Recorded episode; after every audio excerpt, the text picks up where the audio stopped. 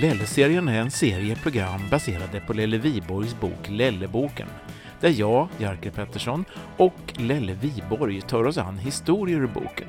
Boken kan köpas i Tyresö bokhandeln, i nätbokhandeln och direkt från författaren själv på Lelle-sidan på Facebook.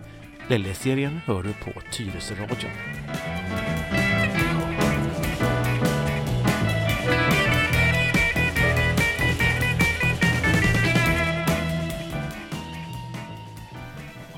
Ja, välkomna till lilla studion säger vi till både lyssnarna och Lelle Viborg.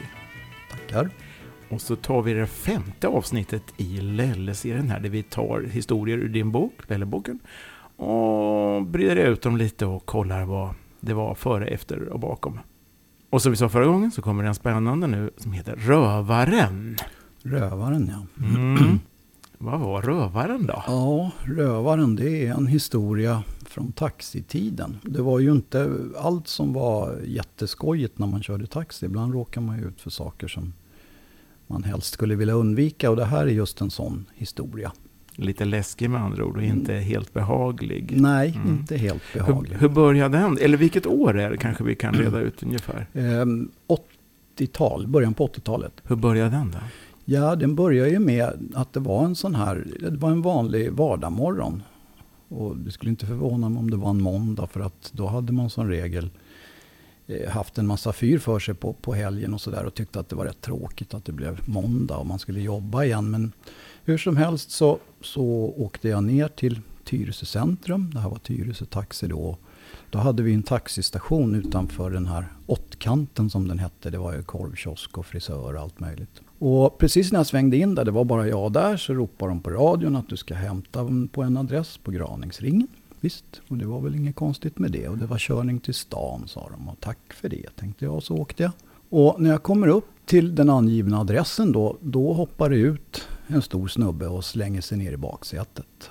Ja, jag, jag kände ju igen den här killen då. Och det var in, ingen behaglig människa om man ska uttrycka sig försiktigt faktiskt. Han hade varit ute och valsat ganska mycket i olika... Det var ett känt ansikte? Ja, alltså. det var ett känt ansikte som inte gick att ta miste på. Och så säger han att kör mot stan. Och det gör jag. Och sen säger han så här att, Hör du, säger han, finns det någon, någon järnaffär i den här byhålan? Ja, det gör det så. Finns det en fin järnaffär i Trollbäcken? Ja, dra dit då, säger han. Och sen säger han inte så mycket mer. Och jag svängde ner där till, till eh, Nygrens järn och, och, tyckte väl att det här är, ja, det var en obehaglig känsla. Så jag tänkte att ska jag dra härifrån när han går in på Nygrens liksom? Och sticka här och bara liksom skippa hela mm, videvitten. Och, och sen så hade, man, hade jag ju då de här minnena av vad som hade skrivits i tidningar och tv och allt vad det nu var. Och, men så lämnade han sin jacka kvar i bilen när han gick in. Och vi var ju inte så många bilar här ute då. Så att jag tänkte om inte jag kör honom då får ju någon av mina högt ärade kollegor äran istället. Och då är han väl inte på bra humör. Jackan är borta och, och bilen är borta och alltihop. Så att jag beslöt mig för att stanna kvar. Och efter en stund så dyker han upp igen, sätter sig i baksätet och så börjar han liksom klä av en stor köttyxa. En jätteköttyxa, blank sak och sitter och, och, pillar av pappret på den där. Och, och, jag försöker ju snegla och se vad han håller på med. Och så tänkte jag så här att jag vill inte ha honom i min bil med en köttyxa sitta snett bakom mig. Det är inget bra. Nej, det känns inget bra. Det verkar ju inte vara läge va? Nej, så att jag sa det. Och det, det känns inget vidare att du sitter där och skalar pappret av en köttyxa när jag sitter här och kör då var det alldeles tyst och sen så, du vet man hade sån här ostkupa som man satt. Man satt ju som en pilot där bakom den där ostkupan. Ja, en transparent genomskinlig. Ja, precis. Då slet han tag i den och så liksom närmade han sig mitt öra då. Så, så liksom sa han, men nu är du riktigt jävla rädd va. Och så la han upp ett sånt där vansinnesgarv. Och eh, ja, jag tänkte det är väl lika bra att tala om som det är då. Visst så, ja, det är jag. Och det kommer bli ett par rena kalsningar när den här körningen är över. Det kan du vara lugn för. Ja, du är i alla fall ärlig, sa han. Så lutade han sig tillbaka igen. Och, och så sa han, nej men du, vi gör så här. Sa han, jag, jag lägger den här köttyxan framme hos dig. Så kan du känna dig lugn.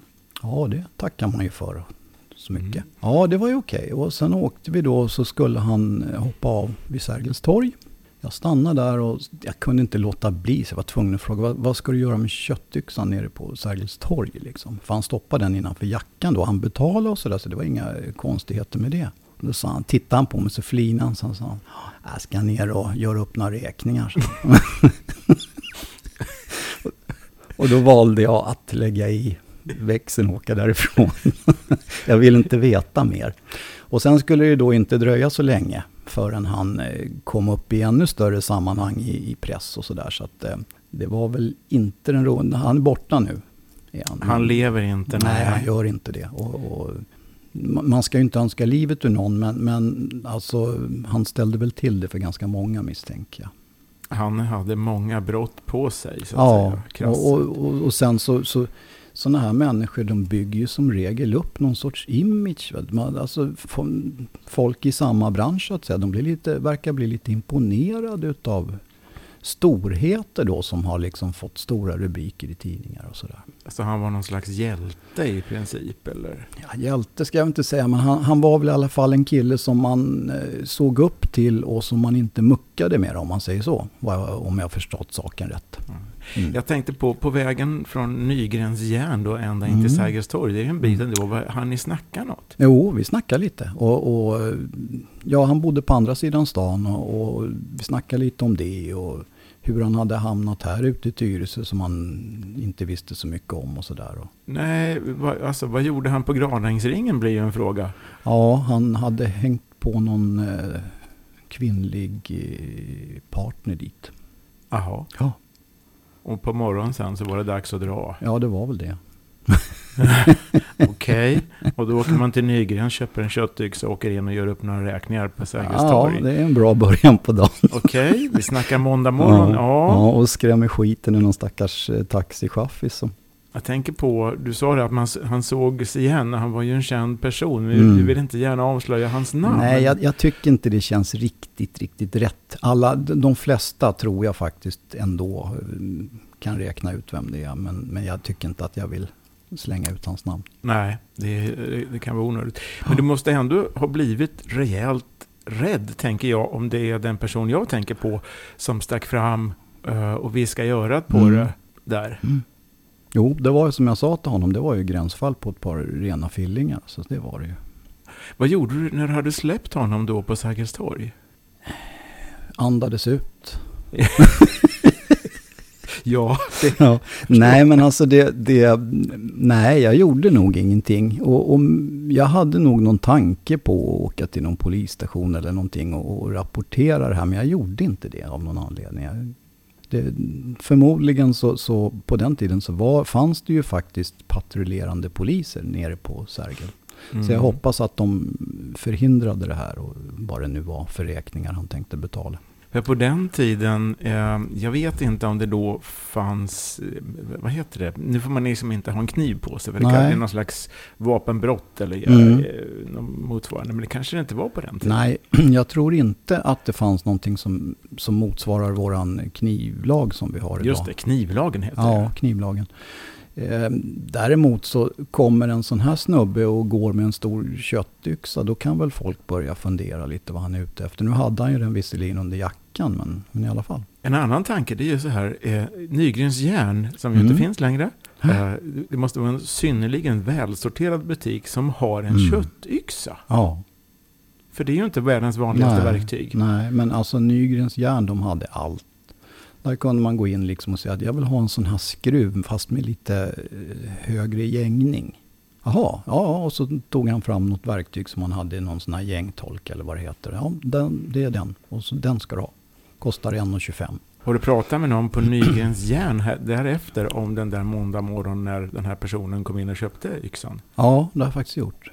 Det finns nämligen en kille som, som jobbar kvar i samma hus fast eh, med lite andra maskiner och grejer. Och han drog sig till minnes det här också. För han hade jobbat då. Vad var hans bild då? Ja, det var väl inte riktigt eh, på nya kalsningar men, men han fick nog lite eh, hårresning i nacken så att säga. Han sa inte emot utan det var varsågod Nej. här är yxan. Ja visst, precis. Så kan det gå. Ja, Med rövare i baksätet. Ja. ja. Du fortsatte att köra taxi i alla fall? Ja, det gjorde jag. Och jag träffade väl flera rövare så det var väl inte avskräckande på det viset. Alltså, men jag, jag tycker ju ändå om man ska göra någon reflektion om det där att jag blev nog lite mer och mer försiktig. Och jag tittade lite mer noggrant på folk och, och sådär. Med, med, tiden så att säga. Blev en slags ögonöppnare då? Ja, lite grann utav den typen. Historien om rövaren, det femte avsnittet i Lelle-serien. Och nästa gång då ska vi ta oss an en eh, lite annorlunda eh, story som heter Bilaffären. Den ska man inte heller missa. Då återkommer vi. Ja. Bra.